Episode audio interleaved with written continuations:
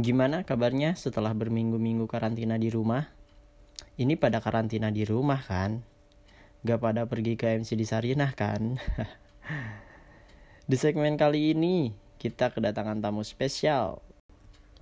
Jadi temen gua ini mau sedikit sharing tentang menabung dan investasi. Langsung aja kali ya, daripada dengerin suara gue yang serak-serak anjing ini, kita panggilkan aja Dito Tri Febrianto. Oke, kembali lagi di channelnya Ma'arif. Di channel Arif Podcast. Tapi kali ini ngobrolnya sama gua, sama Dito. Gue ini sebenarnya temen kampusnya Ma'arif. Cuman Kenapa gua numpang podcast di podcastnya Ma'arif? Karena gua males bikin channel podcast di Spotify. Jadi gua numpang aja gitu Oke, di segmen gua kali ini gua bakal ngomongin tentang hal-hal yang menarik menurut gua. Terus gua pelajari sebelumnya, lalu gua share ke kalian. Ya, kita sebut aja segmen ini ngobrol-ngobrol asik gitu aja ya. Nah, di topik pembahasan kali ini, gue sebenarnya mau ngobrolin tentang investasi. Gue tuh sangat suka topik investasi ini. Kenapa? Soalnya akhir-akhir ini gue sadar kalau di usia-usia gue ini, di usia yang masih 23 tahun, adalah usia yang paling cocok buat berinvestasi. Karena uh, di usia yang masih muda ini kita masih belum ada tanggungan kayak tanggungan rumah tangga, tanggungan punya anak, dan tanggungan-tanggungan yang lain. Tanggungannya cuma diri kita. Jadi di usia yang produktif ini uh, gua rasa cukup bijaksana kalau duitnya itu kita simpan buat masa depan gitu. Di situlah investasi hadir buat kita. Investasi itu ibarat kita nabung tapi duit tabungan kita nyari duit buat kita. Dan beresiko tentunya. Nah, semakin kita tidak mengenal investasi, semakin kita tidak mengenal gimana gimana prosesnya dan bagaimana itu, maka resikonya akan semakin tinggi. Mungkin kebanyakan orang tidak berinvestasi itu karena mereka takut akan investasi, akan resikonya. Kayak mikir, enggak deh, enggak investasi dulu deh. Mending uangnya ditabung di bank aja deh. Soalnya kalau diinvestasi mungkin duitnya bisa berkurang. Ada benernya juga sih. Tapi nih kalau kita cuma nabung ngandelin di bank dengan bunga per tahun cuma 0,5% dan dipotong pajak, dipotong administrasi segala macem, itu duit kita lama kelamaan akan menyusut. Kalau di bank itu udah pasti menyusut, tapi kalau di investasi ada kemungkinan berkurang, tapi ada kemungkinan untuk bertambah. Ngomong-ngomong soal nabung di bank, gue dari tahun 2016 gue nabung di bank. Dari awal gue mulai kerja dapat gaji pertama gue bikin jadi gue sistem nabungnya bikin dua, rebe, dua rekening nih. Yang rekening satu itu buat gajian gue dan yang rekening satunya setiap akhir bulan sisanya gue taruh di rekening satunya itu buat gue nabung. Dari selama tiga tahun ini nggak kerasa loh gue nabung kayak nggak ada hasilnya. Kayak hasilnya tuh duitnya cuman segitu-segitu aja nggak bisa nambah. Karena mungkin menurut gue bank itu terlalu liquid ya terlalu gampang untuk dicairin. Jadi ketika gue lihat angka tabungan gue udah mulai gede nih gue belanjain barang-barang yang gue pengen beli gitu. Jadi nafsu gue tidak terbendung untuk membeli barang. Dan sebenarnya yang gue butuhin itu bukan tabungan jangka pendek duit yang buat beli-beli barang yang gue kepengen. Tapi sebenarnya yang gue butuhin itu tabungan jangka panjang. Buat gue nanti beli rumah buat gue nikah buat biaya sekolah anak gue kayak tabungan yang gitu-gitu. Dan ya gue nyesel sih sebenarnya. Selama 4 tahun 3 atau 4 tahun sih nih 3 atau 4 tahun gue kerja ini kayak duit gue anjir cuman segitu-segitu aja. Gue sampai kaget sama heran gue sama diri gue sendiri. Dulu nih ya gue pernah tuh sempat kepikiran buat nabungin duit gue di deposito bank. Jadi ceritanya dulu ada kakak kelas gue satu STM cuman dia udah lulus lebih dulu terus dia udah kerja lebih dulu. Terus dia nyarinin gue kalau mau nabung mending ke deposito aja nanti dapat bunga dari tabungan itu. Terus dia itu sistemnya kayak auto debit gitu. Jadi setiap dia habis gajian dia langsung auto debitin duitnya ke rekening deposito. Uh, gue sih agak ngeri-ngeri gitu ya kalau misalnya auto debit di awal bulan. Ngerinya itu sih soalnya kenapa?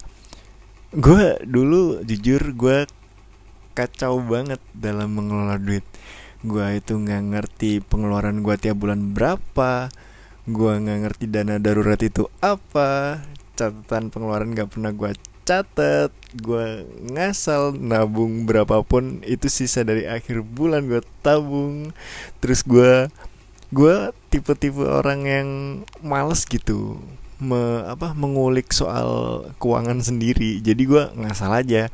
Asal ada duit lebih gue masukin tuh ke tabungan gue dan gitulah gue pokoknya intinya gue takut kalau misalnya gue nabung di awal-awal bulan. Gue selalu kalau nabung sampai sekarang pun gue kalau nabung selalu akhir bulan. Gue nggak pernah dapat gajian langsung duitnya itu gue sisihin ke tabungan. Lalu sisanya buat operasional gue satu bulan itu. Gue nggak pernah kayak gitu karena ya buat jaga-jaga aja. Kita kan nggak tahu tuh dalam satu bulan ada kejadian apa. Misalnya ada urgent gitu. Gue selalu takut kalau misalnya gue kekurangan dana kekurangan duit cash yang gue pegang itu gue takut. Makanya gue nggak berani di deposito. Dan selain itu gue dulu mau masuk kuliah. Terus kalau deposito itu kan tiap bulan tuh harus setor uang kan di bank tiap bulan terus misalnya kalau bulan itu kita nggak store kita dapat penalti belum lagi pajaknya gede. Gua mikir-mikir lagi tuh dulu sebelum uh, nabung di deposito. Terus gua juga nggak ngerti kebutuhan gua kuliah itu tiap bulan uh, makin nambah. Gua pusing terus akhirnya gua nggak jadi nabung di deposito. Jadi selama gua kuliah sampai uh, berapa tahun tuh kuliah? Sampai akhir-akhir inilah ya. Gue nabungnya ya di rekening bank yang which is itu sangat tidak menghasilkan apa pun sampai sekarang. Aduh pusing gue anjir. Terus nih yang menarik lagi itu dulu gue sebelum masuk kuliah atau awal-awal masuk kuliah gitu gue nyoba nyari-nyari instrumen investasi yang menurut gue keren dan orang-orang kaya pada investasi di instrumen itu yaitu saham. Gue dulu coba nyari-nyari buku yang cocok buat main saham itu kayak gimana. Akhirnya gue ketemu salah satu sekuritas yang dengan lu cuman modal duit 100 ribu lu bisa bikin rekening saham dari duit 100 ribu itu dan duit 100 ribunya dibikinin saldo di rekening saham lu. Dan pada hari itu juga lu bakal di training selama seharian buat uh, mainin saham. Begonya gue dulu kan gue nyari-nyari produk investasi ya Sedangkan pelatihan yang diberikan oleh perusahaan sekuritas itu ke gua waktu gua buka rekening saham itu bukan investasi melainkan trading yaitu jual beli saham. Jadi investasi dan jual beli saham itu beda. Kalau trading yang dilihat itu adalah e, pergerakan harga. Jadi kita mengambil keuntungan dari naik turunnya harga. Jadi ibarat nih kita ke pasar Terus hari ini kita ngelihat ada panci diskon harganya cuma 1000 perak. Kita beli pancinya. Terus uh, keesokan harinya kita jual itu panci di pasar itu dengan harga 10.000. Kan untung tuh 9.000. Nah, itulah trading, itulah trading saham. Saham juga kayak gitu. Yang diajarin di kelas uh, sekuritas itu itu adalah membaca pergerakan saham itu susah banget susah banget gue dulu belajar secara teknikal. Itu namanya analisis teknikal kalau misalnya kita ngelihat dari pergerakan harga. Sedangkan yang gue butuhkan pada saat itu bukanlah jual beli saham. Yang gue butuhkan adalah investasi saham. Mana ketika kita investasi yang kita lihat bukanlah harga dari saham itu melainkan uh, tingkat kesehatan dari perusahaan tersebut. Kenapa? Karena investasi tujuannya adalah buy and hold. Kita beli lalu kita tahan dalam jangka waktu yang panjang. Kita mengandalkan cash flow yang bagus dari perusahaan tersebut. Lalu dalam jangka 5, 10 atau 15 tahun kemudian kita jual lagi uh, apa? Saham tersebut lalu kita dapat untung dari itu. Sama aja kayak kita beli tanah beli tanah harganya pasti akan naik naik naik terus kan. Ya kayak investasi tanah aja. Ketika tanahnya udah melambung tinggi beberapa tahun kemudian kita jual terus kita dapat untung itulah investasi. Masalahnya ketika kita ngomongin investasi saham itu resikonya sangat tinggi sekali. Karena saham itu sangat sensitif terhadap kebijakan pemerintah terhadap virus-virus corona lalu ya pokoknya saham itu sensitif lah dia harganya fluktuatif gitu aja jadi ketika misalnya sekarang ini harga-harga saham lagi jelek-jeleknya, gua orang yang tidak punya saham itu kayak ngelihat diskon-diskon. diskon-diskon di mall, diskon-diskon saham. Kita beli dengan harga murah, nanti beberapa tahun kemudian setelah semuanya membaik, perusahaannya bagus, kita jual lagi gitu. Pokoknya intinya gue mau ngomongin kalau investasi jangan lihat harga kalau investasi saham ya jangan lihat harga saham.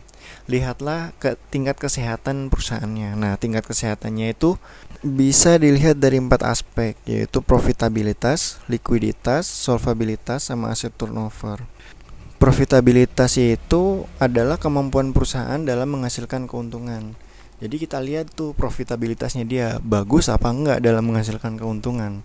Terus kalau likuiditas itu kemampuan perusahaan dalam membayar utang-utang jangka pendeknya. Kalau misalnya solvabilitas itu kemampuan perusahaan dalam melunasi semua kewajib kewajiban-kewajibannya yaitu baik itu utang jangka pendek, jangka panjang. Itu kalau misalnya perusahaan itu mempunyai kemampuan yang baik ya berarti dia dalam kategori yang baik. Terus kalau aset turnover itu ya gimana? Perusahaan itu ef efisien nggak? Dia efektif nggak dalam memutar aset-asetnya dalam mengelola aktiva-aktivanya? Kesimpulannya apa? Kesimpulannya adalah invest investasi saham itu susah mau trading mau investasi susah menurut gue ya menurut gue itu susah dan itu tidak pas di gua, tidak cocok buat gua pribadi. Karena setelah gua pelajari soal finance, gua kuliah udah semester berapa gue sekarang? Gua saking lamanya tidak masuk kampus, gue sampai lupa gue semester berapa. anyway, intinya gue mau ngomong sebelum investasi, kita harus mengenal tuh.